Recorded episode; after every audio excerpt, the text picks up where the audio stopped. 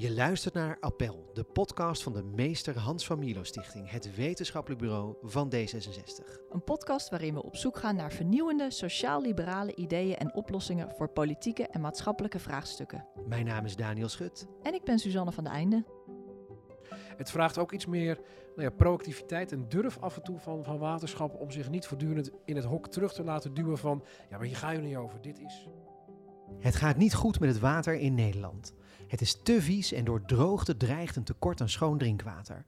De rol van waterschappen, het bestuursorgaan dat ons water beheert, wordt daardoor steeds belangrijker. En tegelijkertijd komen er meer politieke vragen op diezelfde waterschappen af.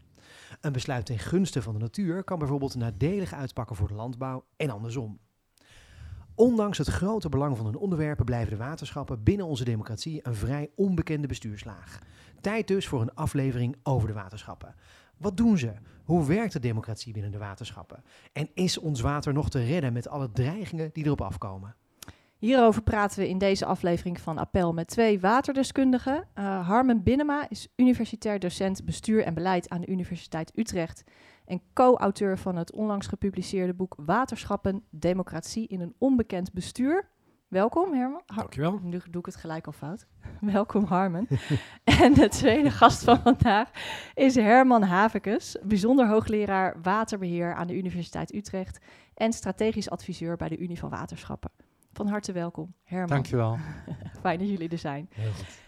Ja, de titel van jouw boek, Harmen, zegt het al. De waterschappen zijn nog steeds een vrij onbekende bestuurslaag. Uh, eens in de vier jaar gaat het erover als er gestemd moet worden, maar verder horen we daar ook weer niet zo heel erg veel van. Waar komt jouw interesse in die waterschappen eigenlijk vandaan? Waar die vandaan komt, het is een combinatie denk ik van mijn eigen interesse voor, nou ja, je zou kunnen zeggen, bestuurslagen die wat minder in de belangstelling staan. Zeker ook in de belangstelling van uh, mijn wetenschappelijke collega's in de politicologie en de bestuurskunde. En vanuit het besef dat er heel veel interessante vragen eigenlijk te stellen zijn over hoe waterschappen democratisch functioneren, die niet gesteld worden. En we zijn altijd heel erg geneigd geweest waterschap als iets heel bijzonders, aparts te beschouwen. Terwijl een aantal klassieke vragen over wat willen kiezers eigenlijk van zo'n waterschap. En als die waterschapsbestuurders gekozen zijn, wat krijgen ze voor elkaar, eigenlijk ook gewoon beantwoord zouden moeten worden. En we daar verrassend weinig van wisten. Ja, dus het boek heeft jou ook aangenaam, het schrijven van het boek heeft jou ook uh, tot wat aangename verrassingen gebracht? Verrassende ja, zeker ontdekkingen? Wel. Nou ja, in zoverre, uh, en ook met dank aan Herman, die een van de hoofdstukken uh, geschreven heeft, ook om om de geschiedenis van de waterschap en het functioneren daarvan te duiden. Überhaupt meer kennis te krijgen van hoe die waterschappen in elkaar zitten. Hoe we van meer dan 2000 waterschappen eigenlijk in enorm tempo naar net iets meer dan 20 waterschappen zijn gegaan. Maar ook in de gesprekken met de algemene dagelijks bestuurders van die waterschappen een beetje te, te horen en te, en te voelen wat hen, wat hen drijft, waar ze mee bezig zijn. En wat voor hen ook een hele, nou ja, niet um, per se altijd, al, altijd de eerste keuze geweest, maar wel een hele oprechte motivatie om juist in die waterschappen politiek actief te gaan worden. Ja. Oké, okay, mooi. Herman, uh, je werkt als adviseur bij de Unie van Waterschappen, maar, maar, voor die tijd, uh, je kan al, kwamen net al bij de voorbereiding achter, fantastisch praten over de geschiedenis van de waterschappen. Het waren er 2600. Hoe zat dat? Ja, dat was in uh, 1950, ja. zeg maar drie jaar voor de ramp, waren het er 2647 zelf. Ja. En met name die ramp. Uh, de watersnoodramp. In 1953 ja. de watersnoodramp in Zeeland, West-Brabant, Zuid-Holland, zeg maar. Uh, dat was eigenlijk de eerste aanzet om die waterschappen daar te vergroten. In Zeeland alleen kende in 1950 300 waterschappen. 300? Alleen al in Zeeland? Alleen ja. Zeeland. Wow.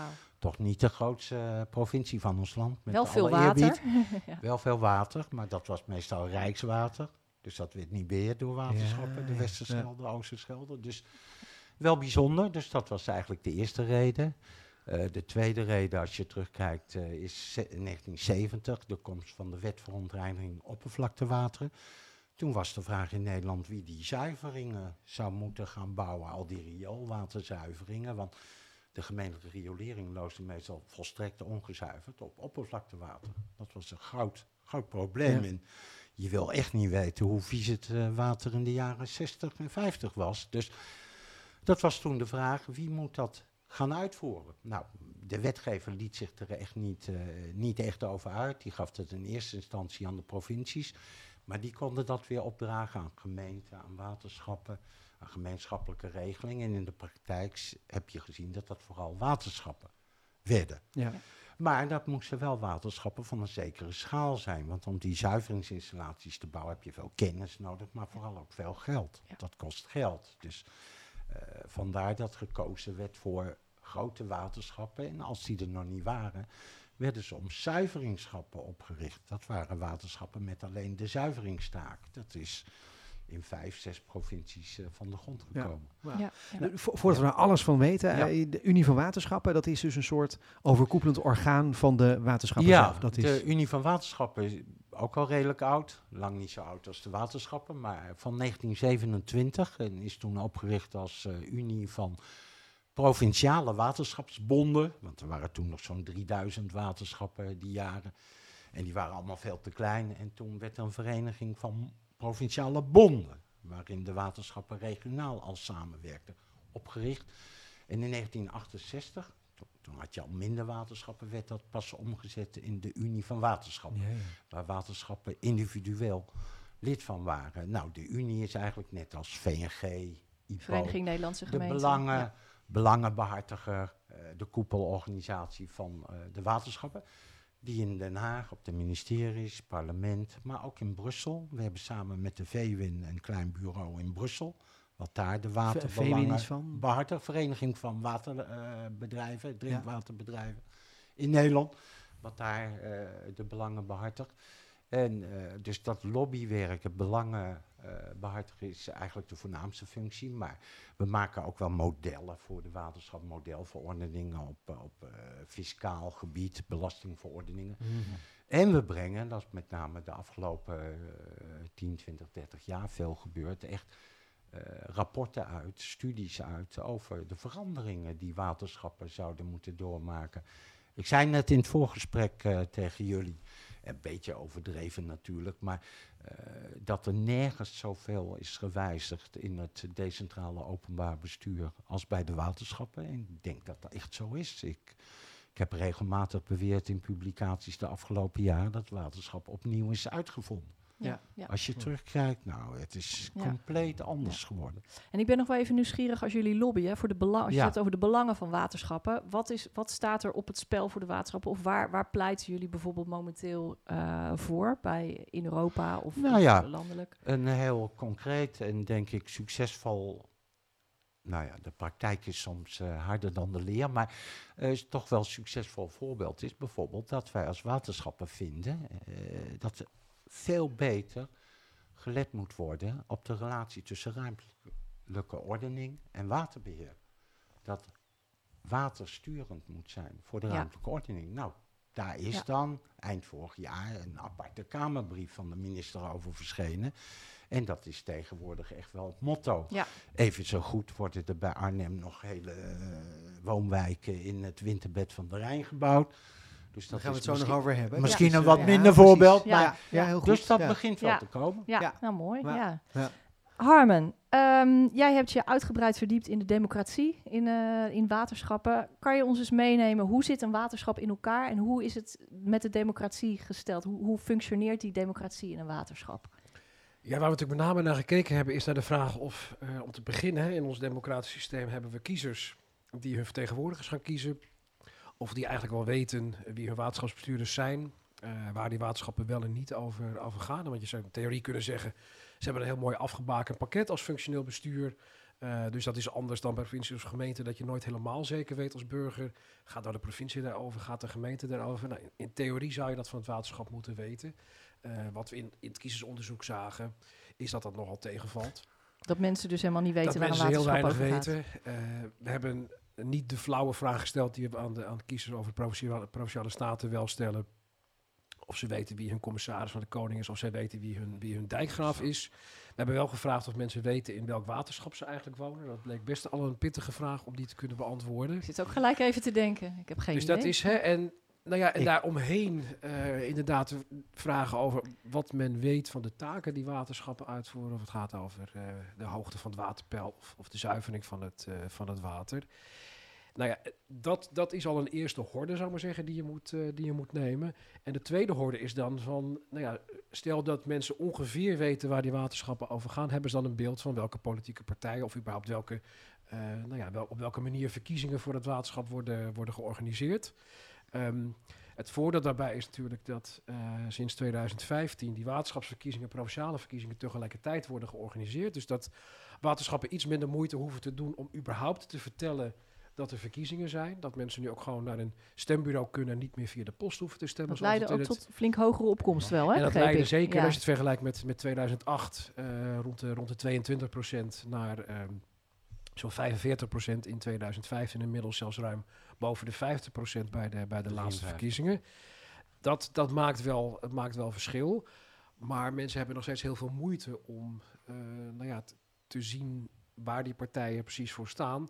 En we merkten ook, zijn dus verbaasd dat, uh, dat zag je ook bij de laatste verkiezingen weer, ze niet op D66 en GroenLinks bijvoorbeeld konden stemmen, maar erachter moesten komen dat op een of andere uh, manier water natuurlijk en D66 en GroenLinks met elkaar verbonden zijn. Maar we ook in het onderzoek hele grote verschillen tegenkwamen tussen hoe actief steunen D66 en GroenLinks eigenlijk de campagnes van Water Natuurlijk. Of op sommige andere plekken waar Water Natuurlijk zelf zei van... nou, doe me even geen D66 en GroenLinks. We willen vooral op eigen kracht uh, dat willen doen. Dus en dat, dat tweede wat je eigenlijk bij verkiezingen nodig hebt... en wat voor een deel ondervangen wordt door, door stemwijzers, kieskompas en dergelijke... die er voor de waterschapsverkiezingen ook waren... ja, die bleken ook wel hard nodig te zijn, omdat het menu, menu waaruit je als kiezer kunt kiezen onduidelijk was. En waar dan die specifieke partijen voor staan.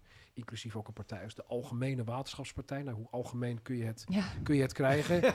Heel lastig is omdat, om de, nou, dat de Partij van de Arbeid soms wel meedoet en soms weer niet. Uh, SGP soms meedoet en soms weer niet. Nou ja, nu BBB op allerlei plekken wel. Maar heel veel partijen die mensen op diezelfde dag wel op het stembiljet zagen staan bij de Provinciale Statenverkiezingen. Op dat andere stembiljet, wat ze ook meegekregen hadden, niet stonden. Dus dat was eigenlijk de eerste stap van snappen mensen waar de waterschappen over gaan en waar ze uit kunnen kiezen en wat dan de verschillen zijn tussen de partijen die daaraan uh, aan deelnemen. Maar, maar, heeft de kiezer in, in zekere zin niet gelijk daarin ook? Dat uh, ja, iedereen wil uiteindelijk toch gewoon schoon drinkwater en dat is toch waar de waterschappen voor gaan. Dus waarom zou je dan niet waarom zouden er überhaupt verschillende partijen moeten zijn? Nou, dat was ook wel. Uh, we hebben een aantal interviews gehouden met, met dagelijks bestuurders en algemeen bestuurders in de waterschappen. Waar iemand ook zei van ja, er zijn geen sociaal-democratische of christendemocratische of, um, uh, of liberale dijken. Uiteindelijk willen we allemaal gewoon beschermd zijn tegen het water. Maar als je wat meer de diepte ingaat, komen er natuurlijk allerlei vraagstukken die ook in gemeente en provincie spelen over hoe ambitieus wil je bijvoorbeeld zijn als het gaat over uh, klimaatverandering en de maatregelen die je wil nemen hoeveel um, tempo wil je met dat soort zaken maken? Waterschappen moeten hun eigen inkomsten regelen. Hoe, hoe, hoe, hoog mogen de heffingen zijn? Hoe wegen we af of we iets meer toch de kant van de agrariërs of de kant van de natuur kiezen? Dus er komen allerlei kwesties naar boven die wel degelijk politiek zijn, waar politieke verschillen in, in zichtbaar zijn. Um, die komen niet altijd even duidelijk in de debatten tussen partijen naar voren. Dus we zagen in, die, in veel van die algemene besturen, ja, het, het mag wel wat kritischer en wat scherper af en toe. Uh, en het is ook lastig in de campagnes vaak voor kiezers om die verschillen echt uh, te zien. Maar ze zijn er wel degelijk. Dus in ja. die zin is dit een volwaardige democratie waarin verschillen tussen politieke partijen gearticuleerd worden. En voor kiezers daarmee dus ook echt wel echt iets te kiezen is. Ja. Herman, jij schudde heftig je hoofd nou, met, uh, toen we zeiden iedereen wil toch gewoon schoon drinkwater. Ik dacht even, Wat moet je daar nou... Ja, ik dacht even, daar gaan we weer. want daar over schoon drinkwater gaan waterschappen nou juist net weer niet. Want dat is een zorg van de tien drinkwaterbedrijven in Nederland. Maar hoe, hoe, zit die verhouding dan trouwens? Eh, want nou, de drink, we hebben tien drinkwaterbedrijven in Nederland. Dat waren er overigens een tijd terug ook zo'n 200. Dus daar ja. is ook flink opgeschaald. Uh, negen van die drinkwaterbedrijven zijn NV's. De tiende is het Amsterdamse Waternet. En dat is een stichting tussen de gemeente Amsterdam en het uh, waterschap Amstelgooi en Vecht. Mm -hmm. Maar die negen zijn wel NV's, maar dankzij een uh, Kamermotie in de paarse jaren negentig van Jaap Jelle Veenstra hebben we nog net weten te voorkomen in ons mooie landje dat ook de drinkwaterbedrijven geprivatiseerd werden. En de energiebedrijven achterna zouden gaan. Nou, we hebben dat met de energiecrisis gezien, hoe fijn dat is. Dus de drinkwaterbedrijven, die negen, zijn wel NV's. Maar in de drinkwaterwet staat dat hun aandelen de eigendom in overheidshanden moet zijn. Dus uh, in de praktijk zie je dat meestal is het provinciaal eigendom, een drinkwaterbedrijf. Ja. Nou, dat helpt de samenwerking in de waterketen. En dat is ook zo'n verandering van de laatste 10, 20 jaar. Dat die verschillende instanties veel beter dan vroeger met elkaar samenwerken. Dat helpt enorm natuurlijk. Dus de waterschappen in ieder geval, die gaan dus niet over het Nee. drinkwater. Je kunt hoogstens zeggen dat we met het oppervlaktewater eh, de grondstof aanleveren om drinkwater van te maken. Alleen eh, in Nederland is er geloof ik maar één regionaal waterpunt in Drent, de Drentse A, waaruit een waterschapswater drinkwater ontrokken wordt. Of water Ja. voor drinkwater. En de rest is dat allemaal rijkswater. Dus, maar waterschappen eh, gaan eigenlijk in zoverre over de dijken, het pijlbeheer, eh, met de gemalen zeg maar, het waterkwaliteitsbeheer, het zuiveringsbeheer. En we vangen per jaar ook nog zoveel, eh, of een 50.000 muskusratten die een gevaar vormen. En er zijn nog vijf... Want die eten onze dijken op, hè? Dat nou ja, die maken eh, gangen, holen Ja. in dijken, in oevers. En dat levert echt wel gevaren op. Dus daar moeten we ook wat aan doen. Doen we ook. En er zijn nog vijf waterschappen in Nederland die wegen beheren. Ja. En dat stamt ook nog uit het verleden. Een soort Rijkswaterstaat, maar dan... Nou, overgenomen van gemeenten in het verleden. Wegen die op dijken lagen, ligt ook voor de hand. eh, dat zo'n waterschap dat dan doet. Nou, de meesten willen daar wel Ja. vanaf. Behalve het ene Zeeuwse waterschap. Dat beheert in Zeeland in zijn eentje momenteel al meer kilometers weg dan Rijkswaterstaat in heel Nederland. Om Wacht. even, even een beeld te schetsen. Ja, ja. Dat zijn wel andere wegen, zeg ik er direct bij. Maar bijvoorbeeld als het in het najaar de bietencampagne is, dan zijn dat veel gevaarlijker wegen dan de Rijkssnelwegen. Dus dat is voor dat waterschap Scheldenstromen, die wil die taak ook gewoon blijven doen, is dat een substantieel onderdeel van het werk, het wegbeheer. Maar als het dus gaat Ja. om, om de democratie in het waterschap, dan zijn in waterschappen, dan is er dus wel degelijk eh, is er wat, is er wat te kiezen. En moet er wat te kiezen zijn. Ja, dat, eh, dat zeg ik toch ook altijd. En ik ben het helemaal met eh Harmen eens dat dat wel eens moeilijk is over te brengen. En dan heb je altijd voorbeeld, er zijn geen linkse of rechtse dijken. Ja, precies. Nou, Iedereen wil droge voeten. Ja. Heb ik ook wel eens gezegd en gehoord van, er zijn ook geen linkse of rechtse lantaarnpalen in de gemeente. Dus ik bedoel, het is minder, omdat het takenpakket natuurlijk veel kleiner is. Het gaat alleen over het waterbeheer, zeg maar.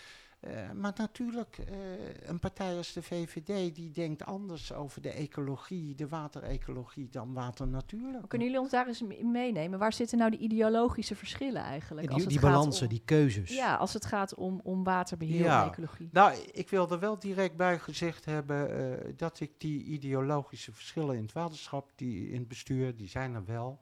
Maar in de praktijk, mijn ervaring de afgelopen 30 jaar, want dit speelt al sinds, sinds 92, sinds de ingezetenen hun intrede gingen doen, eigenlijk wel zie meevallen. Maar zal ik gewoon uit de afgelopen jaren een heel concreet voorbeeld noemen waar Ja. politieke partijen soms echt anders in zitten, is het kwijtscheldingsbeleid.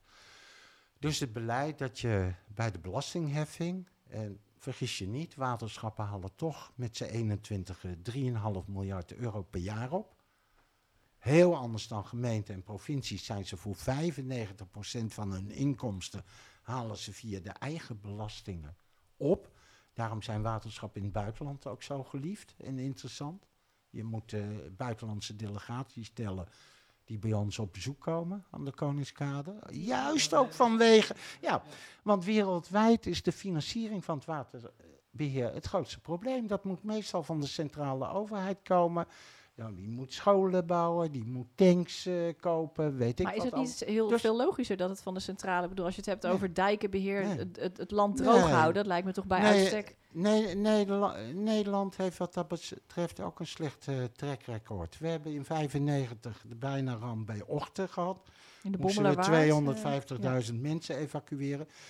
Dat kwam voor een deel, ik zeg het direct bij, niet alleen, maar dat kwam voor een deel omdat minister Smit-Kroes in de jaren daarvoor elk jaar geld weghaalde bij de rivierdijken en daar een snelweg van aanlegde. Dus het Rijk heeft helemaal geen goede track record.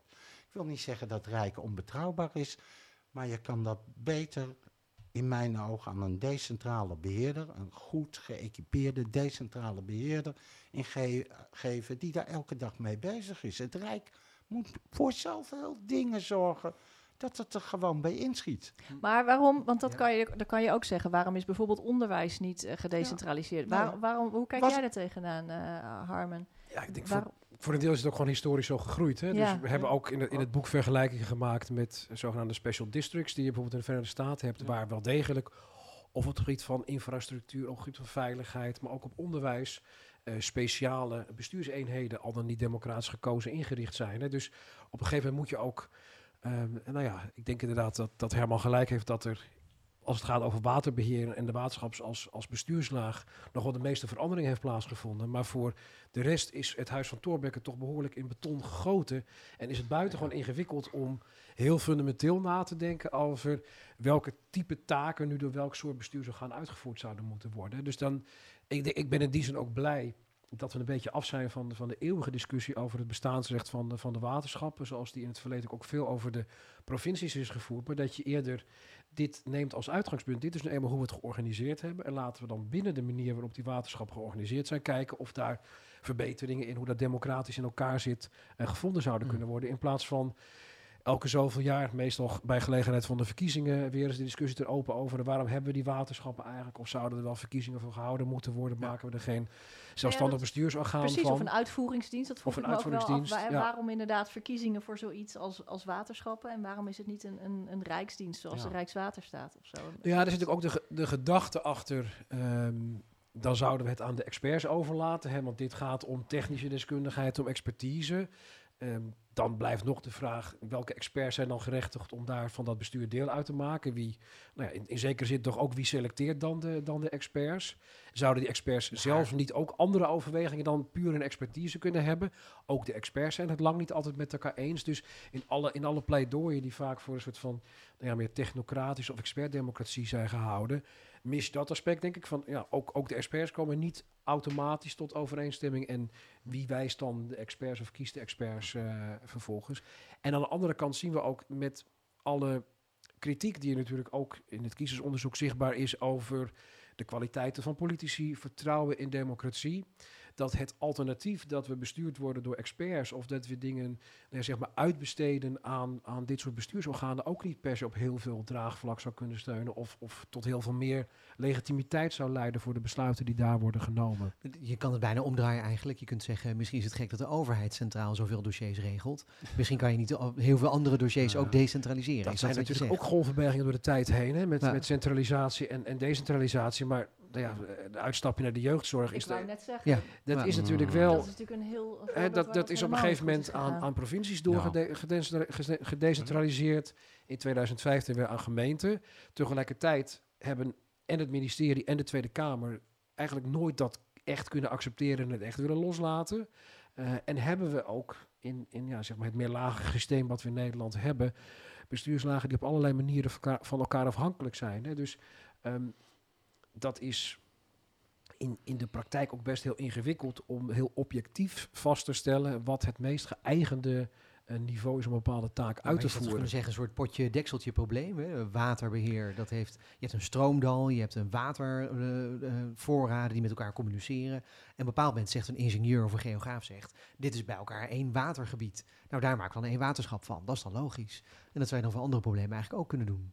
Ja, dat, dat zou in theorie kunnen. En dat is natuurlijk ook een beetje de, de, de beleidsretorica die we veel horen. Hè, van de, de, de maatschappelijke opgave stellen we centraal en we denken vanuit de maatschappelijke Ja. opgave. Nou, eh, als we zien hoe de, hoe de gebieden die die regionale energiestrategieën vormen, nou ja, in theorie ook gebaseerd zijn op een gezamenlijke klimaatuitdaging, een gezamenlijke energieopgave, maar in de praktijk gewoon toch een soort van lelijk compromis zijn geworden tussen IPO, VNG en Unie van Waterschappen, waardoor er helemaal niet zo'n soort logica in zit. Nou ja, je zou kunnen zeggen, voor de waterschappen is dat met de huidige vorm van de waterschappen redelijk gelukt. Maar dan nog blijven er heel veel thema's waar ook andere bestuurslagen over gaan. Dus, dus het, het enkele feit dat het waterschap een bepaald gebied heeft, is niet voldoende om te zeggen, en nu kunnen we ons ook volledig afschermen en doen alsof we niks met de Nee, rest precies. meer, Ja. meer te maken hebben. Nou, ja, ik, ik wil daar ook nog wel wat over zeggen. Want jouw vraag van eh, eh, waarom bij een waterschap, waarom geen uitvoeringsorganisatie, waarom eigen bestuur, verkiezingen, Ja. de hele mikmak, eh, best ingewikkeld. We, we krijgen die vraag natuurlijk wel vaker, ook, ook vanuit het buitenland, als er weer zo'n delegatie op bezoek komt. Maar wat ik dan vaak probeer over te brengen is, ja, die waterschappen bestaan al heel lang. Eh, veel langer dan de, staat Nederland. De Rij- Rijksoverheid, Rijkswaterstaat is van 1798 het oudste waterschap van 1255. Ze bestaan nog steeds, op zich opmerkelijk. De tweede plaats, ik heb net al even laten vallen, wij halen als waterschappen natuurlijk bijna al onze uitgaven via belastingen bij de burgers, bij bedrijven, bij boeren weg. Dan is het helemaal niet zo, onzorgvuldig om daar één keer in de vier jaar ook op een nette en zo efficiënt mogelijke manier, en die hebben we nu door die combinatie wel gevonden, denk ik, verkiezingen voor te houden. Eh, er komt één ding bij en dat baart mij echt zorgen. Je ziet eh, het aanmodderen eh, bij de schaal van, van gemeenten op het ogenblik. Tegenwoordig zit al meer dan de helft van het geld en de helft van het werk bij gemeenten is ondergebracht in regionale samenwerkingsverbanden. Harman noemde net al de resten, maar je hebt ook de veiligheidsregio's, je hebt de omgevingsdiensten. Dus wat je daar eigenlijk ziet is dat die gemeenten van binnenuit worden, worden uitgehold. Hè, er zijn allerlei kaarten van. En voor de ene taak is het gebied de indeling weer anders dan voor de andere. Je wordt er knettergek van. En wat mij dan het meest verdriet is eigenlijk dat daar voor die individuele gemeente nauwelijks grip op de kosten is uit te oefenen. Er wordt ook gewoon geklaagd over door eh, raadsleden en soms ook door wethouders die dan in zo'n overkoepelend bestuur van een veiligheidsregio zitten. En dan is het Maar het grootste probleem is, de burger heeft er helemaal niks over Ja. te zeggen. Als een veiligheidsregio in coronatijd zware beslissingen neemt, waar we allemaal last van hebben, dan is er geen burger die daar op een of andere manier maar iets aan kan Dan wordt doen. dat niet in de Of gemeenteraad nee, of zo ter nee, insprake nee, gelegd. nee. Nee, dat is gewoon... Dat is een wordt- besluit van de. Ja, ja. Nou, dan denk ik, jongens, geef mij, mij dat model van het waterschap. Ja. Want dat heeft tenminste Ja. een eigen bestuur. En Ja. als je dat dan op een efficiënte manier regelt, nou is dat verre te verkiezen boven wat er op het ogenblik in het openbaar bestuur plaatsvindt. N- Nou zijn we denk ik volgens mij nu in de afgelopen 10 minuten drie vragen tegelijkertijd aan het beantwoorden. Eh, de, de ene vraag is een beetje de, de schaalgrootte en de bevoegdheid. Hè, van, eh, heeft het bestaansrecht, ja of nee, een waterschap op deze manier? Tweede vraag is, wat is dan het nut van de democratische controle daarin? Nou, ik denk dat we daar ook wel over uit zijn. Natuurlijk, democratie is wat dat betreft goed. Eh, en het derde is dan, als het gaat over die democratische controle, kan het dan politiek zijn? Wat, wat is het nut van partijen dan in die democratische controle? Ehm, dat zijn wel drie verschillende soorten discussies. Maar eerste, hoe zie jij dat, Harmen? Is dat, vat ik hem zo goed samen tot nu toe? Dat denk ik wel. Eh, en dan- Ja? als het over dat laatste gaat, dan nou, ik denk allereerst ehm, wat heel erg helpt, is toch dat je. want sommigen zijn wat minder blij met de, met de entree van politieke partijen die een aantal jaren geleden heeft plaatsgevonden. Maar wat, wat helpt, is dat je in ieder geval daarmee een organisatie hebt die ook gewend is om volksvertegenwoordigers te trainen, te scholen en daarmee ook op te voeden zeg maar, in wat het vraagt om volksvertegenwoordiger te zijn. En nou ja, vanuit die klassieke kaderstellende, controlerende, volksvertegenwoordigende rol ook in de waterschappen eh, te opereren. Hè? Dus Levert, zei de, de entree van politieke partijen een paar jaar Ja. geleden. De- de- Die, dat, Ja. is, dat, was niet, eh, dat is niet van oudsher. Dat, de- de nee, dat is eigenlijk werden partijen. mensen tot, tot 2008 op, eh, op persoonlijke titel gekozen. en Ah, in zo. 2008, dat is nou, een interessant debat ook in, de tweede, waar in in het boek ook meer over gezegd wordt, in de Tweede Kamer ook geweest, waar het eigenlijk ging over verenigingen. Ja. En uiteindelijk ook werd gezegd van ja, zouden dat ook politieke partijen kunnen zijn? Nou ja, dat zouden wellicht ook politieke partijen kunnen zijn. En ja, sindsdien dus ook een aantal nog steeds besloten heeft, wij doen niet mee aan die waterschapsverkiezingen, maar ondersteunen wellicht andere partijen. En een aantal anderen gezegd hebben, wij gaan gewoon meedoen aan die waterschapsverkiezingen. En daarmee heb je dus ook het interne netwerk binnen zo'n partij. Hè, raadsleden, statenleden, AB-leden die met elkaar contact onderhouden. De nou ja, versterking ook van de lobby eh, over en weer. En iets meer, denk ik, van, nou ja, van de politieke dynamiek was in sommige van die algemene besturen ook wel wenselijk. Want het was soms wel erg gezapig. En dat was echt een, nou ja, een, een, een gebeurtenis van je welste wanneer eens een keer een partij tegen een voorstel stemde. Op de, de cultuur toch was. We stemmen unaniem in. We doen niet aan moties en amendementen. want Dat is allemaal politiek gedoe en het leidt alleen maar af. Dat het, dat het soms wel geholpen heeft om kritischer te zijn op de uitgaven die je doet. Hè. Ook vanuit dat perspectief bijna 100% wordt opgeleverd eh, door, de, door de inwoners, door boeren en bedrijven en dergelijke. Een klein deel de, voor de terreinbeheerders ook. Dus bij die taxation hoort ook representation, maar hoort ook een kritische volksvertegenwoordiging die af en toe ook een dijkgraaf of een, of een waterschapsbestuurder met huiswerk eh, op pad stuurt in plaats van overal ja en amen tegen Ja, te zeggen. geen stempelmachine. maar Geen stempelmachine, Ja, nee. ja. Het- Even voor duidelijkheid, Ja. ik weet niet of elke luisteraar het hoorde, maar eh, AB-leden, dat zijn dus de algemeen volksvertegenwoordigers. Dat is algemeen bestuur. Ja. En eh, DB, dat is het dagelijks Zijn de bestuur, dagbestuur. wordt voorgezeten door de dijkgraaf, een soort burgemeester van het waterschap dan eigenlijk. Dat is voor de- degene die het niet ja, wisten. de is dat dagelijkse is. bestuursleden, is dat Ja. dan zeg maar de, de, de gemeenteraad? Of de, Nee, burgemeester. Dat, zijn, de- dat, dat is het de college. ja. Ja. Ja, Met het college. verschil dat die Ja. ook nog tegelijkertijd, omdat het waterschap nog steeds monistisch is, lid zijn van het algemeen bestuur. hè. Dus ook weer een vakjargonterm, wat sorry, is monistisch? ja. Ja. Nou ja, laat ik zo zeggen dat je in, in de gemeente en de provincie en ook op landelijk niveau is het niet toegestaan om tegelijkertijd bestuurder te zijn en volksvertegenwoordiger. Dus de minister mag geen lid zijn van de Tweede Kamer, de wethouder mag geen lid zijn van de, van de gemeenteraad. Alle dagelijks bestuurders van de waterschappen zijn ook lid van, de algemene, van het algemeen bestuur. Her- Herman Nou- wil op veel dingen reageren. Maar ja, Ja, nou, Herman, te- ja. twee Ja. dingen. Eh, wat ik wel eens mis in de hele discussie, eh, dan gaan we uit van de politieke partijen, is de oorsprong van dat systeem. En dat heeft opnieuw met de schaalvergroting van de waterschappen te maken. Die waterschappen werden steeds groter, ze hadden een personenstelsel, zaten individuele mensen namens categorieën in dat bestuur, de huiseigenaren, eh, het ongebouwd, de boeren. Nou, die waterschappen werden zo groot dat niemand die persoonlijke kandidaten meer kende op dat stembiljet. Ik werd hier in Den Haag gebeld als Delftland verkiezingen hield. Ze zei, meneer Haverkes, ik heb hier een stembiljet, ik kende geen één. Op wie moet ik stemmen? Nou, dan keek ik, ik kende er ook geen één. Dus dat was erg lastig. Dus, nou, toen heeft de Unie van Waterschappen, het is de Unie geweest, dus de eigen koepel die het bedacht heeft, die heeft in 2000 een rapport eh, opgesteld en die heeft gezegd, wij moeten over van een personenstelsel naar een lijstenstelsel. Dan hebben ook de stemmen eh, die de eerste kandidaat niet meer nodig heeft, die hebben dan nog een functie, want die gaan naar de tweede kandidaat op de lijst. Dus het is veel democratischer. Toen heeft, mind you, de regering geprobeerd in het eerste wetsontwerp om de politieke partijen als zodanig van die besturen uit te zonderen. En dat hebben ze naar de Raad van State gestuurd. Dus de VVD, de PvdA niet. Maar de Vereniging voor Veilige Dijken en de Partij van de Afkoppeling wel.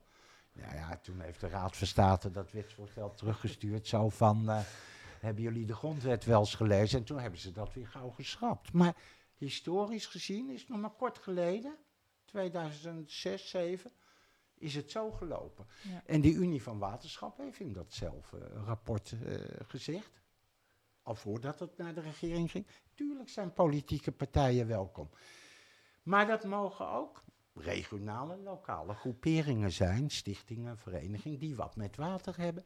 En heeft de Unie, en dat is ook nog een uh, geliefkoosd onderwerp, heeft de Unie gezegd, ja, maar straks krijgen dus, hè, nou dat lijstenstel, politieke partijen, die krijgen 8 miljoen, uh, of nee, 12 miljoen stemgerechtigde Nederlanders, die kunnen dan hun stem uitbrengen. Dan krijgen die oude categorieën bedrijven, maar ook boeren. Ja. Ja, we hebben 60, 70.000 boerenbedrijven, die krijgen dan geen enkele stem.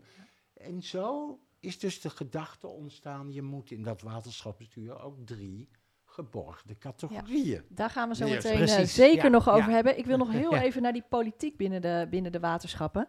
Want bij de laatste verkiezingen zijn eh, de BBB en Water Natuurlijk als grootste partijen uit de bus gekomen. BBB benadrukt dan vooral de belangen van de landbouw, als ik het even zo heel eh, plat sla.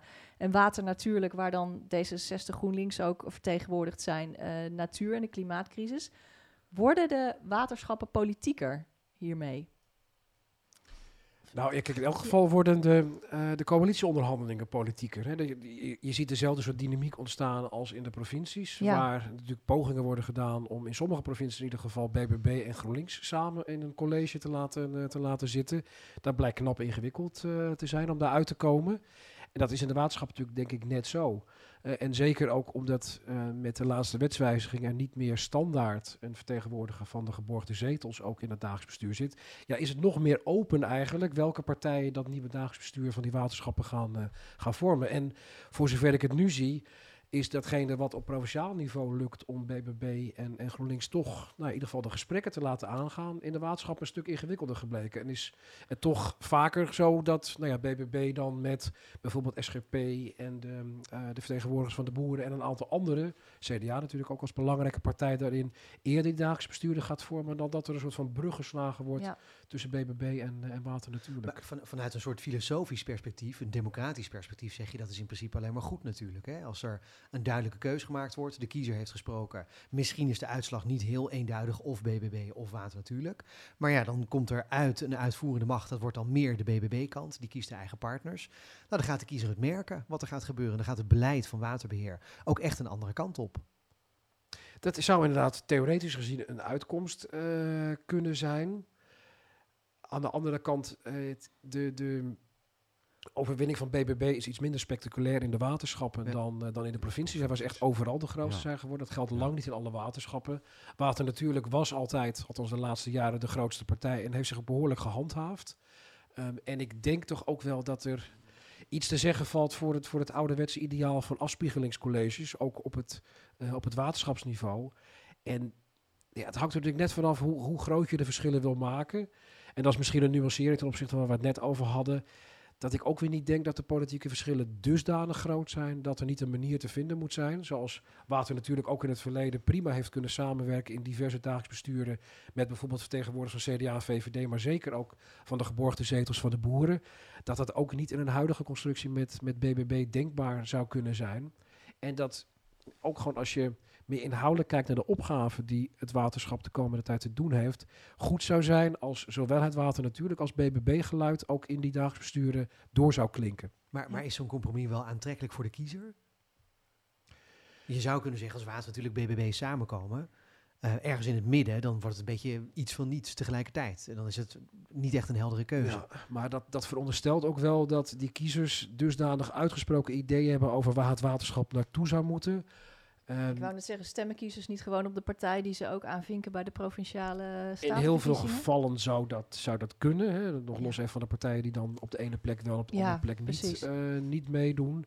Uh, dus ik, kan, ik, kan me, ik kan me heel goed voorstellen dat dat, dat, dat aan, de, aan de orde zou zijn. Maar ja, dus op het moment dat we echt zouden weten dat kiezers een hele uitgesproken opvatting hebben over waar het waterschap naartoe moet. En dat dus de ruk naar rechts of de ruk naar links of meer richting de boeren of meer richting de natuur datgene is wat kiezers willen.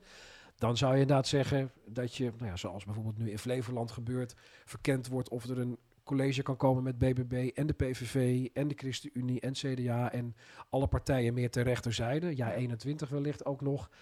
Dat vind ik voor de waterschappen een minder overtuigend verhaal, heel eerlijk gezegd. Ja, ja want uh, we noemden het al eventjes bij de introductie. Kunnen jullie, om het even concreet te maken, een voorbeeld noemen van een, een, een maatregel of een richting die dus uh, uh, enerzijds gunstig is meer voor het, voor, voor het klimaat, voor de natuur en minder voor de landbouw en vice versa? Om even die verschillen duidelijk te maken in waar de verschillende partijen voor kunnen staan. Nou ja, in de, in de praktijk, ook in de aanloop naar deze verkiezingen, en dat waren ook wel vragen vaak in die kieswijze, die meer dan 2 miljoen keer uh, geraadpleegd is. Voor specifiek voor de waterschappen? Ja, specifiek voor het waterschap.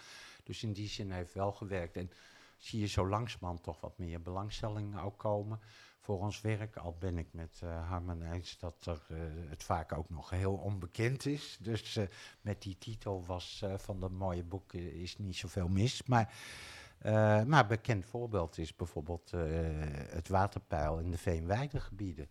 Ja, dat is jarenlang uh, steeds omlaag gebracht om de bodemdaling te volgen, zodat boeren vroeg in het jaar met zware machines en zo op het land konden. als je nou een natuurvereniging bent, natuurliefhebber, heb je liever een veel hoger waterpeil. Dan moet die boer nog een maandje wachten, bij wijze van spreken. Groeit het gras misschien ook minder goed. Uh, maar dat is weer beter voor de natuur. Dus dat is uit de praktijk, denk ik wel, een van de beste voorbeelden waar je, waar, waar je duidelijk een tegenstelling hebt. En we kunnen het water in de sloot niet schuin uh, instellen. Dat kunnen we nog niet, niet. We zijn wel heel knap, maar dat gaat niet. Dus ja, dan zou je een belangenafweging moeten plegen. En uh, het automatische beleid dat waterschappen vanzelf, hè, Uh, pijl volgt functie. De functie van het gebied, daar werd het waterpeil voor 100% aan vastgekoppeld. Als de functie landbouw, veeteelt, nou, dan ging het waterpeil mee naar beneden. Maar dat beginnen waterschappen al wel zo langzamerhand los te laten. Dat moet ook wel, want die bodemdaling, die je dan maar steeds doorzet, een beetje een vicieuze cirkel. Ja, je zult daar een keer wat anders mee moeten, want dat gaat op den duur niet goed. Dus uh, een grote tegenstelling. Uh, maar ik heb net als mijn buurman toch wel, uh, nou in ieder geval de hoop dat zelfs die misschien tegengestelde partijen als Water Natuurlijk en BBB er in zo'n waterschapsbestuur uh, uit kunnen komen. Er is in het verleden, een jaar of 10, 15 geleden, wel een keer onderzoek door de PvdA gedaan naar de besluitvorming bij waterschappen. Ik weet niet eens meer de titel van het rapport, maar ik heb de boodschap nog goed begrepen daar kwam uit naar voren dat binnen het waterschapsbestuur het meest unaniem besloten wordt. En ook weinig, relatief weinig wordt gestemd. Omdat men het gewoon allemaal eens is. En ook toen had je al volstrekt tegengestelde partijen in die, in die besturen. Dus ik heb wel de hoop dat dat ook uh, de komende jaren zich uh, door zal zetten. Uh, alleen ja, dat zegt Harmen ook, de uitdagingen zijn gigantisch in het waterbeheer. En uh, niet alleen in, in Nederland, uh, maar in het buitenland nog veel meer. En wij kunnen ons tenminste nog zegenen met een goede, goede organisatie van het waterbeheer. En dat, daar moeten een boel landen nog mee beginnen. Dus dat helpt wel. Ja, ja. Dus tot nu toe eigenlijk nog geen hele grote ideologisch geladen debatten. Uh, Mensen die nee, ik, ik fel ben, tegenover ja, elkaar staan en elkaar... Ik ben een paar uh, jaar geleden een keer in Parijs geweest op een debat over de drinkwaterprijs. En daar heb ik me zo over verbaasd. Want die burgemeesters en die uh, consumentenvertegenwoordigers... die gingen elkaar bijna fysiek te lijf. Dat, dat, was daar zo, dat was daar zo politiek. Nou, ik bedoel, ik wil best erkennen, de gemiddelde Nederlander weet nauwelijks wat een waterschap doet, maar wat een drinkwaterbedrijf uh, doet en wat de drinkwaterprijs is. Hè?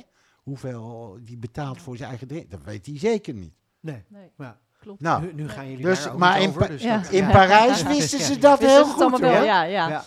Ja. De, de geborgde zetels, die kwamen De, net al precies. even te sprake. Ja. Uh, dat is eigenlijk daardoor zijn, hebben de waterschappen juist wel wat meer aandacht gekregen, volgens mij, de afgelopen Ja, tijd ja. Dan, uh, dan daarvoor. Dat was Ja. natuurlijk, de, de gebeurde is Ja. wat bij de waterschappen. Uh, hoe, uh, hoe, hoe, hoe zit het? We kijken naar Harmon die het boek erover geschreven Ja, precies. Die Nou ja. Ik denk dat Herman net aangegeven heeft waar dat vandaan komt. Hè? ja. Ook in het, in het compromis wat gevonden is. Want het is heel logisch om ook ingezetenen nu hun vertegenwoordiging te geven. Maar er zijn ook andere belangen eh, die, die vertegenwoordigd zouden moeten zijn. Ook omdat er gewoon vanuit die hoek eh, betaald wordt, belasting betaald wordt. Dat zou zich ook moeten vertalen in, in zeggenschap. Dat zou met een grote hoeveelheid ingezeten ondergesneeuwd kunnen raken. Dus toen is gezegd, hè, binnen dat algemeen bestuur grofweg een derde van de, van de zetels zijn geborgde zetels verdeeld over, over die drie eh, categorieën. Eigenlijk zeg maar kortweg gezegd natuur, eh, bedrijven en de, en de agrarische sector. Er is een initiatief geweest van Kamerlid Laura Bromet en, eh en de Groot. Dat is GroenLinks en D66. Dat is GroenLinks en Ja. D66. Ehm, om te zeggen, eigenlijk zouden we aan die geborgde zetels een eind eh, moeten maken. Dat was ook weer eh, in hun geval in, in navolging van het, ehm, het rapport dat de commissie Boelhouwer daarover geschreven heeft. Die eigenlijk tot de conclusie kwam, nou ja, binnen, binnen de huidige waterschapsdemocratie zijn die geborgde zetels een beetje een achterhaald idee. Er zijn genoeg manieren, zeker als het ook gaat over de, over de, de belangen van de agrarische sector, die al op andere manieren naar voren komen in de, in de partijen die ook de ingezetenen vertegenwoordigen. Dus waarom zou je dat nog apart zetten? Zouden niet gewoon alle zetels in zo'n waterschapsbestuur rechtstreeks eh, gekozen moeten gaan eh, worden? Nou, dat heeft allerlei politieke discussies voor en achter de schermen eh, opgeleverd. Waarbij uiteindelijk, en met name ook op initiatief van de ChristenUnie, en niet alle geborgde zetels zijn geschrapt, maar er wel een, een, een cap op, een maximum aan, aan geplaatst is van, van vier van die geborgde zetels. En er één categorie verdwenen is. En nou ja, met name VNO-NCW kwam daar relatief laat, nou, ik weet niet of ze er per se laat achter kwamen, maar in ieder geval laat in actie. Op het moment dat dus bleek, nou, er blijven wel geborgde zetels voor agrariërs en voor de natuur, maar die voor de bedrijven, die gaan verdwijnen. Eh, nou ja, dat er toen nog een hele uh, redenatie op gang kwam, wat ook belangrijk was. En waarom het ook voor bedrijven uh, veel belangen met dat water gemoeid zijn. En het goed zou zijn om ook juist die categorie geborgde zetels te, te behouden. Maar dat is uiteindelijk niet gelukt om dat voor elkaar te krijgen. Bleef tot het laatste moment ook in de Eerste Kamer nog, uh, nog spannend. Ook met de vraag, gaat het nog lukken om dit in te voeren voor de verkiezingen zoals we die in maart hebben gehouden? Of ja. Nou ja, een aantal die proberen toch ook een beetje een uitsteltactiek toe te passen om ervoor te zorgen dat het dan pas in 2027 oh, ja. zou ingaan. In de hoop dat dan sommigen wellicht weer van mening zouden gaan veranderen in de tussentijd. Nou, dat is uh, mede denk ik ook wel door, um, door, de, door de initiatiefnemers en een aantal anderen in de Eerste Kamer uiteindelijk toch nog gelukt om dat op tijd in het staatsblad te krijgen en ervoor te zorgen dat dat mee ging, uh, ging wegen bij deze verkiezingen. En het andere aspect was dus dat waar tot nu toe de geborgde zetels standaard uh, vertegenwoordigd waren in het dagelijks bestuur, zijn nu nou, uiteraard nog steeds voor gevraagd kunnen gaan worden, maar niet meer uh, verplicht uh, onderdeel zijn ja. van dat ja. dagelijks bestuur. waren dus de, de wethouders, dat zijn de, precies de uitvoerders. Ja, de, ja. precies. Oké, okay, helder. Ja. Um, Is dat een goede ontwikkeling, denk jij? Nou. Ik zou jokken als ik uh, zou zeggen van wel, want ik heb er in mijn oratie van 2 oktober uh, vorig jaar wat over gezegd en geschreven. En ik vind dit eigenlijk een, wat ongelukkige afloop. Ik had liever gezien dat alle geborgde zetels dan waren geschrapt. Of dat ze alle drie uh, twee zetels hadden behouden. Nu zijn alleen de bedrijven geschrapt en ik heb net de gedachten geschetst al eerder die achter dat model van die geborgde categorie zat. Dat was eigenlijk een heel democratische gedachte. Als we 12 miljoen Nederlanders laten stemmen voor die waterschappen, ja, hebben die paar bedrijven en die boren en die natuurterreinbeheerders, die halen geen enkele zetel. Dus laten we die nou ook een plekje reserveren. Maar, maar een klein, klein plekje. Je, maar je nou. zou natuurlijk kunnen zeggen, in reactie daarop, dat er vanuit de democratische theorie dat bedrijven, ook boerenbedrijven, zijn, zijn een rechtspersoon, maar zijn geen echt persoon. Het is een, perso een nee. fictief persoon. Ja. Um, en de mensen die bij die bedrijven werken en bij een boerenbedrijf werken, als zij zeggen belang van mijn bedrijf of het belang van mijn boerenbedrijf of het belang van het watergebied waar ik aan woon, dat is zo belangrijk, dan ga ik juist op die partij stemmen. Ja. Dus dat via de partijdemocratie nee, dat, die dat, vertegenwoordiging wel weer terugkomt. Ben ik wel met je eens, maar ik wou net zeggen, nou haal je net de bedrijven weg. En dat is ja, net een, de, de categorie die het minst makkelijk stemmen haalt bij de verkiezingen. Want dat heeft Boelenhouwer in dat advies ook al aangetoond, door dat zogenaamde verwantschapsonderzoek. Boeren, die zitten ook op 14% van de gewone ingezetene zetels. Dus die vinden een plekje wel. De natuurterreinbeheerders kan je zeggen, nou, Water Natuurlijk zal niet heel veel besluiten nemen die daar nou echt tegen hun belangen ingaan. Maar voor bedrijven is het allemaal wat ingewikkelder. Maar, een partij als de VVD, die zal hun belangen ja, toch uh, maar, het algemeen goed behartigen? Toch, denk ik net wat minder uitgesproken, maar nogmaals, ik vind de afloop vind ik ongelukkig. Als je de, ziet ook hoe dat wetsvoorstel is gelopen. Er werd een amendement ingediend. Nou, dat, dat is een aardige soap geweest. Een eufemisme voor een amendement. Want er werd eigenlijk gewoon een heel nieuw wetsvoorstel gemaakt en ingediend. Door uh, Pieter Grimwis van de ChristenUnie. Nou, dat mag. Maar het is heel gek gelopen. Ik had dus liever gezien of schrap ze allemaal. Of laat ze alle drie twee zetels houden. Dit vind ik een beetje ongelukkig. Maar nogmaals, uh, waterschappen zullen zich ongetwijfeld wel redden. Ik had trouwens in mijn proefschrift van 2009 al aangekondigd dat de eerstvolgende discussie binnen de waterschappen over geborgde zetels zou gaan. Nou, in die zin heb ik een klein beetje gelijk gekregen. En hoe heftig was de discussie niet, maar uh, met of zonder geborgde zetels, waterschappen zullen zich wel redden. Ik denk ook wel VVD, CDA, het is niet zo dat de belangen van de bedrijven nu volledig onder zullen sneeuwen in die waterschapsbestuur. Wat voor belangen moet ik aan denken dan? Want je, je, het heeft dus eigenlijk weinig effect gehad, het afschaffen, nou, zeg je nu? Kijk, uh, vergis je niet, als je nou kijkt naar, nou, kijk, natuurtuinbeheerders, die betalen helemaal niks aan waterschappen, een paar miljoen per jaar. Uh, boeren al, al flink veel meer, maar nog betrekkelijk weinig. Maar uh, de, de gewone industrie, de bedrijven betalen echt veel. Hè, die betalen al een, een, vier, een, de, nee, een kwart van de zuiveringsheffing. Zo'n 300, 400 miljoen per jaar. En ook nog als eigenaren van bedrijfsgebouwen. Dus die betalen al gauw een half miljard. Bijna een half miljard per jaar aan het waterschap. Dus ik kan me hun verdriet wel enigszins voorstellen. Ja. Nou, die hebben daar uiteraard ook belang bij, want die willen bijvoorbeeld dat de bedrijfshaal droog blijft en dat zo'n waterschap voldoende maatregelen neemt om bij heftige regenval te voorkomen dat die bedrijfshaal onder water stroom. Ja. Nou, we hebben een paar jaar terug in Nederland gezien dat er op een gegeven moment geen chips meer waren, omdat de fabriek in Toyota die eh, stond een halve meter onder water. Toen was er in Nederland eh, betrekkelijk snel een groot probleem. Dat kan zich ook hier Ja. afspelen. Wat denk Ja. jij, Harmen, vanuit het oogpunt van de democratie? Eh, het afschaffen van die geborgde zetels voor bedrijven? Nou, ik moet eerlijk zeggen, ik ben het wel heel erg met, met Herman eens als het gaat over de, nou ja, de wat, wat willekeurige oplossing die hier gekozen is. Hè. Dat in die zin ofwel alle geborgde zetels afschaffen of dan zeggen we gaan het aantal maximeren, maar dan hou je gewoon de drie categorieën. Een logischere oplossing zou, eh, zou zijn geweest. En wat we ook wel gemerkt hebben, ik heb met, met, met mijn collega Hans Vollaert ook bij het schrijven van de conclusie van het boek wel discussie over gehad. Hè, van, wat vinden we nou eigenlijk van die geborgde zetels? Hè? Ehm, dat je aan de ene kant zou kunnen zeggen, ja, het is wat apart, maar er kunnen best goede redenen zijn om bepaalde belangen toch een, een eigen zetel te geven. Zoals in sommige buitenlanden ook eh, in parlementen zetels zijn voor, voor bepaalde groepen minderheden die, die slecht vertegenwoordigd zijn.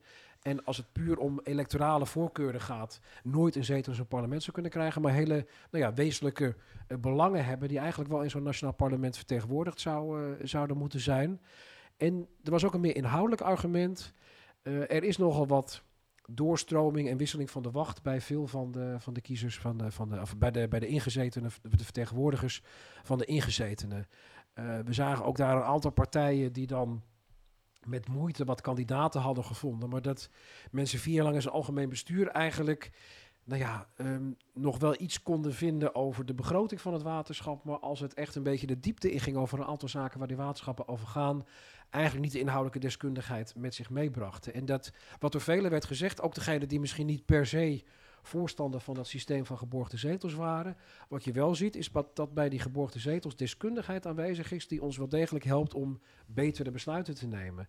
Eh, en dat het in die zin dus wel goed is dat je nou, die deskundigheid via die geborgde zetels in huis, in huis houdt. Dus als je een heel principiële discussie zou voeren over op welke manier zouden ze wel of niet gekozen zouden moeten worden. We hebben ook wel een variant voorbij gehad van zou je dan, omdat nou ja, de manier waarop ze nu via de Kamer van Koophandel in het verleden of via LTO aangewezen worden ook niet altijd even transparant is, zou je een soort ja. van verkiezing kunnen organiseren, ook voor die geborgde zetels. Maar we liepen ook wel tegen een hele hoop praktische bezwaren. Hoe ga je dat dan uitvoeren? Maar dat dan uiteindelijk democratie ook een kwestie is van...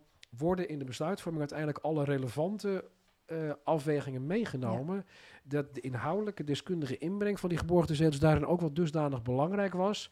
dat je een aantal andere bezwaren die je zou kunnen hebben... tegen, die democra tegen het democratisch karakter van die geborgde zetels... daar ook wel voor opzij zou kunnen zetten. Maar gegeven die functie zou je ook kunnen zeggen, maak dan van die geborgde zetels een soort adviesraad, een soort raad van state misschien, maar dan op de waterschappen. Die dan advies uitbrengen over, nou, jullie zijn nu dit van plan, geen goed idee, want. Ja, maar kijk, zoals we natuurlijk ook... We zien even wat, hè? Ja, nee, dat, dat, dat snap ik. Eh, maar we zien natuurlijk ook dat het kabinet, eh, wanneer het goed uitkomt, adviezen van de Raad van State en de Tweede Kamer idem vrolijk negeert. Hè. Zie je de discussie over de spreidingswet. Daar is de Raad van State niet echt enthousiast over. Maar Van de Burger gaat vrolijk door. Eh, en dus adviesraad, ja, net zoals je op, op lokaal niveau een WMO-raad of andere adviesraden hebt, ja, heeft toch altijd een wat, wat secundaire status. Dus ik denk dat het wel verstandig is om ze een, een gelijke positie te geven. En daarmee dus wel stemrecht ook, eh, Ja, ook te geven. ja. Ja. Ik wil nog even kijken naar wat grote uitdagingen en eh, eh, vraagstukken waar de waterschappen voor staan. Want het gaat niet zo best met ons water. We zeiden het al even aan het begin, zowel met de voorraad als de kwaliteit. Eh, ik vond het best een, eh, ja, wij eigenlijk allebei, hè, Daniel, een schok, een schokkende ontdekking dat het eh, schoon drinkwater zelfs in Nederland dus ook voor Ja. de toekomst geen vanzelfsprekendheid is. En het lijkt erop dat het eh, huidige beleid niet zal voldoen aan de Europese doelstellingen voor waterkwaliteit voor eind 2027. Eh, het, het woord watercrisis eh, valt zelfs al in eh, berichtgeving. Ehm, en het RIVM roept op tot een actievere regie van de Rijksoverheid als het op eh, water gaat.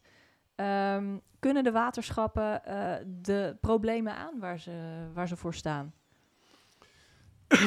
Ja, dat is een eh, hele makkelijke vraag, die misschien wat meer woorden noodzakelijk maakt. Ehm, eh, je noemde het RIVM-rapport. Ik denk ook een paar weken geleden kwam de Raad voor de Leefomgeving en Infrastructuur met een behoorlijk pittig en stevig en helder rapport over juist dat halen van de doelstellingen van het Ja. waterbeheer. Ik denk dat waterschappen, voor zover het eh, in hun macht ligt, eh, een heel eind komen. We zullen wel als waterschappen met name nog eens naar de zuiveringen moeten kijken. Of ook niet medicijnresten, die in eh, toiletgebruik van alle inwoners in Nederland gewoon eh, op de riolering, daarmee op de zuivering komen. Dat je die eh, op de zuivering van het waterschap eruit haalt, medicijnresten. Want die zijn ook heel slecht voor het oppervlaktewater, zeg Daar maar. ging het RLI-rapport volgens mij ook over. Hè? Daar voor een deel, medicijnresten wordt daarin ook wel genoemd. Maar daar zijn we overigens al eh, jaren over aan het denken. En we doen er al experimenten mee. En is nog niet wettelijk verplicht, maar waterschappen zullen daar straks klaar voor staan, zeg maar, als dat nodig wordt. Zoals in het verleden ook eh, in de jaren negentig hebben we de fosfaat- en stikstofverwijdering op zuiveringsinstallatie aangepast. Miljarden guldens in geïnvesteerd in een paar jaar is allemaal eh, helemaal prima en conform de Europese regels van de richtlijn stedelijk afvalwater. Eh, tegelijkertijd moet je hier ook wel erkennen, en dat, dat is niet om ervoor weg te lopen hoor, want ik heb het ook het idee dat de sector zelf misschien de afgelopen decennia eh, niet scherp genoeg is geweest. Maar Ja, dat vroegen we inderdaad Ja. ook. Hoe, is het zo? Hoe zijn we Nou, hier gekomen eigenlijk? ja. Hoe zijn we hier beland Nou, bij deze eh, ik, eh, dramatische watersituatie? Ja, ik, ik werk zo'n beetje 40 jaar in de watersector. En ik heb het wel zien gebeuren. Kijk, ik denk dat eh, we de echte puntlozingen van de industrie. Die hadden we met die wet voor ontreiniging oppervlaktewater van 1970. hadden we in 15, 20 jaar onder controle. Als je de lozingen van zware metalen, PAX bekijkt. allemaal met 80, 90, 95 procent teruggebracht. In 5, in 10, 15 jaar. Samen met de bedrijven. Hè. We maakten samen met de bedrijven modelvergunningen, model bedrijfstaksrapporten. Stond precies in wat ze konden doen. Op een betaalbare manier. Dat is denk ik succes gebleken. Eh, tegenwoordig, maar tegenwoordig zeg ik, dat, hebben, dat is al een jaar of dertig, is eigenlijk de diffuse verontreiniging van ons oppervlaktewater en grondwater de grootste bron van verontreiniging. Maar moet waar dan we aan aan denken? nou, dan moet je denken aan de lozingen van het verkeer, eh, vliegverkeer, vliegtuigen die hun kerosine voor Schiphol nog even lozen. Eh, de rubberdeeltjes van banden, van het wegverkeer. Maar vooral ook aan de landbouw. Ja, ja, ja. Moet je ook denken. Eh, we weten, we hebben heel veel dieren in dit land. Dat heeft veel goede kanten. Dat levert ook geld op. Maar ja, daar zitten ook nadelige kanten op. En eh, dat merkt het water ook, zeg ik. Het mestprobleem, gewasbeschermingsmiddelen, diergeneesmiddelen. Komt direct, indirect ook allemaal in dat oppervlaktewater, in het grondwater terecht. En Misschien moeten we wat minder Omdat- geborgde zetels voor de landbouw Ja. Nou, ja, nou ja, dat, eh, kijk, het punt is dat het waterschap hier zelf eigenlijk betrekkelijk weinig aan kan doen. De huidige wetgeving is zo dat het waterschap daar eigenlijk geen regels aan kan stellen. Dat hangt echt af van de generieke regels die de minister. Dus dat moet weer van de, Rijk- dat, dat moet weer van de moet nationale overheid komen. komen. En de- nogmaals, dat is niet om ervoor weg te lopen. eh, maar dat is echt rijksbeleid. Eh, met andere woorden, even in één zin. Als het stikstofprobleem echt wordt aangepakt, dan profiteert ook de waterkwaliteit daarvan. Laten we heel eerlijk zijn. Zo is het natuurlijk. eh. Alleen het probleem is, door al die diffuse lozingen van de afgelopen vele jaren, 40, 50 jaar, is ook die waterbodem, de bagger, eh, ook, ook besmet geraakt. Daar is fosfaat in opgeslagen. En dus je hebt ook nog heel veel jaren nalevering. Gewoon vanuit de bagger, het slip. En Mhm. het is nog al even veel werk en ontzettend kostbaar om al die slootjes te baggeren. Dus je zegt de oplossing eigenlijk, de waterschappen kunnen hun taak eh, eh, aan, maar er is meer nodig. Er is meer Om de nodig. bron aan te ja, pakken. Het is, het, is echt, het is echt een gezamenlijke verantwoordelijkheid. Het, eh, het Rijk zal in overleg met de sector tot goede, goede afspraken moeten komen. Om de problemen door mest, door gewasbeschermingsmiddelen, diergeneesmiddelen, die echt, en ja, dat zie je niet, maar echt ook in dat water terechtkomen op een diffuse manier, vandaar de naam diffuse bronnen, om dat aan te pakken. En daar is ook het, eh, het water eh, en de waterschappen zijn daarbij eh, gebaat. Nou, maar dan zie je nog wel een, een uitdaging met, met BBB in zowel de waterschappen als de Ja, in de, in de Staten, straks in de Eerste Kamer, Ja. nu met één zeteltje in de Tweede Kamer, bij de waterschappen. Maar we zullen wat moeten doen, want eh, ja, we zitten voor een deel op slot. En die RLI heeft niet dat scherpe advies uitgebracht, eh, vooral ook om te zeggen, ja... Je moet vreselijk oppassen, Nederlandse regering, dat we straks in 2027, en even om te benadrukken, hè, die richtlijn is dan 27 jaar van kracht. Welke richtlijn? eh, De? Europese, Europese kaderrichtlijn water. Oké, ja, 27 ja, ja. jaar, hè? Hij is niet van twee jaar terug. Dus Nee. dan zijn we 27 jaar bezig. Dus ja, wat je ook wel eens leest in brieven, dat de regering denkt er met de uitstelbepalingen van de kaderrichtlijn water eh, nog wel even weg te komen. Die RLI zegt eigenlijk, ja, daar moet je toch niet te veel in geloven. En, En, het, het, het gevaar van niet genoeg water voor de productie van drinkwater, heeft dat dezelfde oorzaken? Of zit daar weer iets anders? Nou, voor eh? een deel. Dat heeft, dat heeft voor een deel andere oorzaken. Want daar is het gewoon een punt van eh, de kwantiteit, de hoeveelheid. Ja. Kijk, dat water moet bij voorkeur ook schoon zijn. Dan Ja. is het ook goedkoper en makkelijker voor die tien drinkwaterbedrijven om daar eh, keurig kraanwater van te maken. Eh, maar daar is het ook een kwestie van, eh, van kwantiteit. Kijk, er komen in Nederland steeds meer eenpersoonshuishoudens bij. Het aantal huizen neemt toe. Er komen eh, allerlei nieuwe bedrijfjes bij. Ja, Vitens die heeft vorig jaar al gezegd, ja, op een gegeven moment houdt het op bij ons. En dat is net als met de ja. elektriciteit, dat ze geen stroom meer terug kunnen ontvangen omdat het vol zit of Ja. zo. En die drinkwaterbedrijven beginnen zich zorgen te maken. Die zeggen, wij moeten ook zoveel jaar vooruit plan- plannen. Dat moeten ze ook op basis van die drinkwaterwet. En wij voorzien daar problemen als er niet wat, als wij geen nieuwe onttrekkingsvergunningen krijgen. Ja, dan hangt het weer van die plek van die onttrekkingsvergunningen af. Die zie je liever niet midden op de Veluwe plaatsvinden, want dat is een natuurterrein. Dus Eh, Harm, ik ben wel benieuwd hoe jij vanuit, jij vanuit jouw expertise kijkt. Zouden de waterschappen misschien meer bevoegdheden moeten krijgen? Of zouden die anders moeten komen te liggen om dit soort problemen aan te kunnen pakken?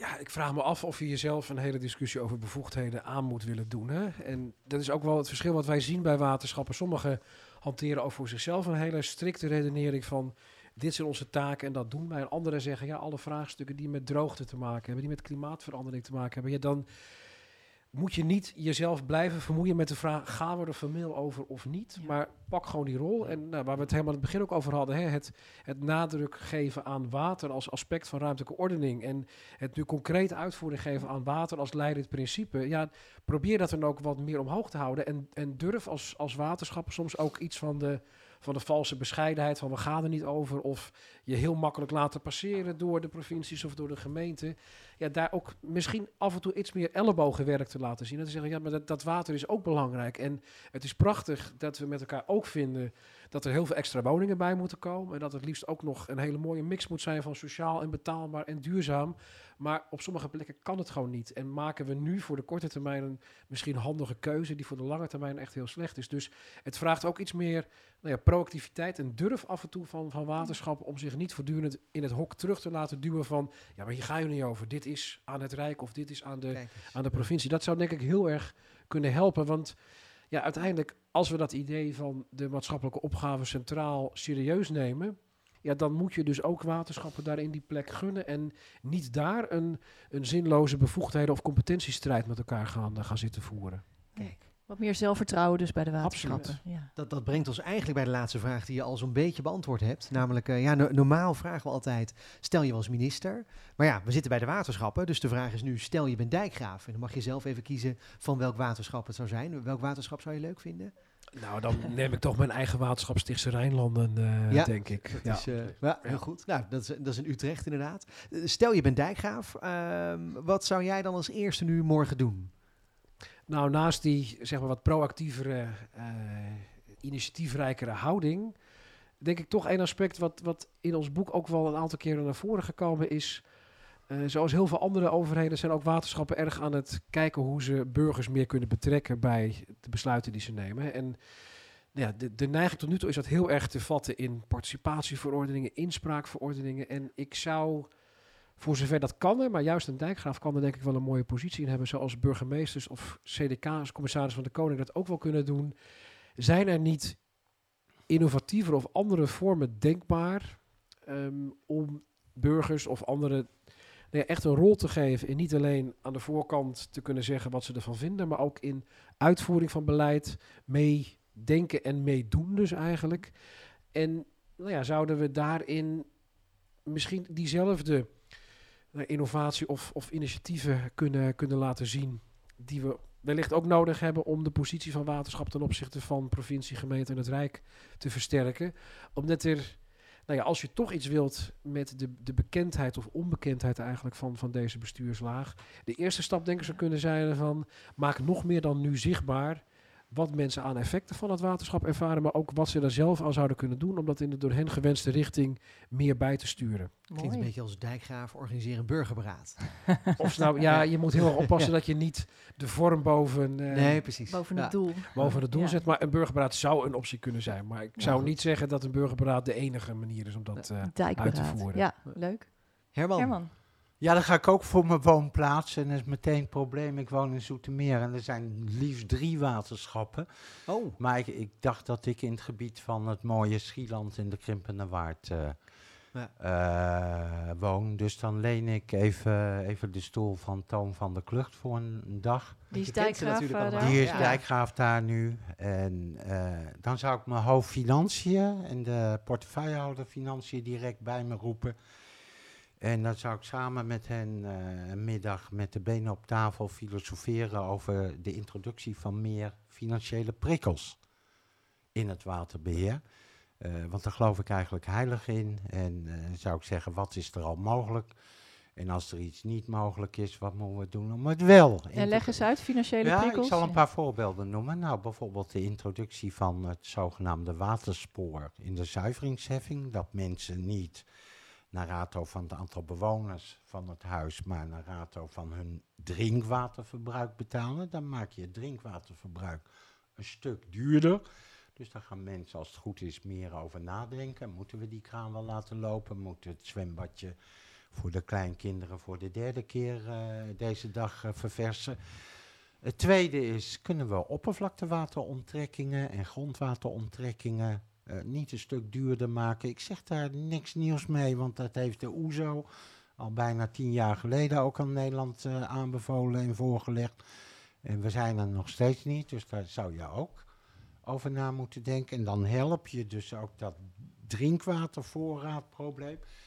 En derde is, en dat is ook al twee keer geprobeerd, maar ik denk dat je serieus zou na moeten denken over een heffing op diffuse bronnen van waterverontreiniging. Ik geloof, dat heb ik ook in mijn oratie wel aangegeven, echt serieus in de werking van financiële prikkels. Ik zal één praktijkvoorbeeld noemen, dat weten veel mensen niet, maar de drinkwaterbedrijven hebben het waterverbruik de afgelopen jaar echt met 8, 9 procent zien teruglopen. Enig idee hoe dat komt? Ik ben heel benieuwd. Ik ben ook benieuwd. Nee. Geen idee. Nou, doordat mensen korter zijn gaan douchen vanwege Ah. de gasprijs. Ja, precies. Ja. Met Ja. andere Ja. woorden, Ja. het verhaal van ja, die drinkwaterprijs is zo laag, de inelastisch, hè, noemen economen dat, Ja. dus dat helpt niks. Ik wil maar zeggen, als je hem toch echt wat duurder maakt, dan gaan mensen echt wel nadenken. Dus ik zou, ik, ik zou daar echt eh, zo snel mogelijk werk van proberen te maken. En ik weet, dan maak je een heleboel los, een hele ingewikkeld. Maar het zou ons echt moeten lukken als Nederland. Kijk, mooi. Heel mooi. Veel dank Herman en Harmen voor dit gesprek. Luisteraar, jij bedankt voor het luisteren naar Appel. Over twee weken zijn we er weer met een nieuwe aflevering. Dus vergeet je niet te abonneren, dan staat hij voor je klaar. Tot snel!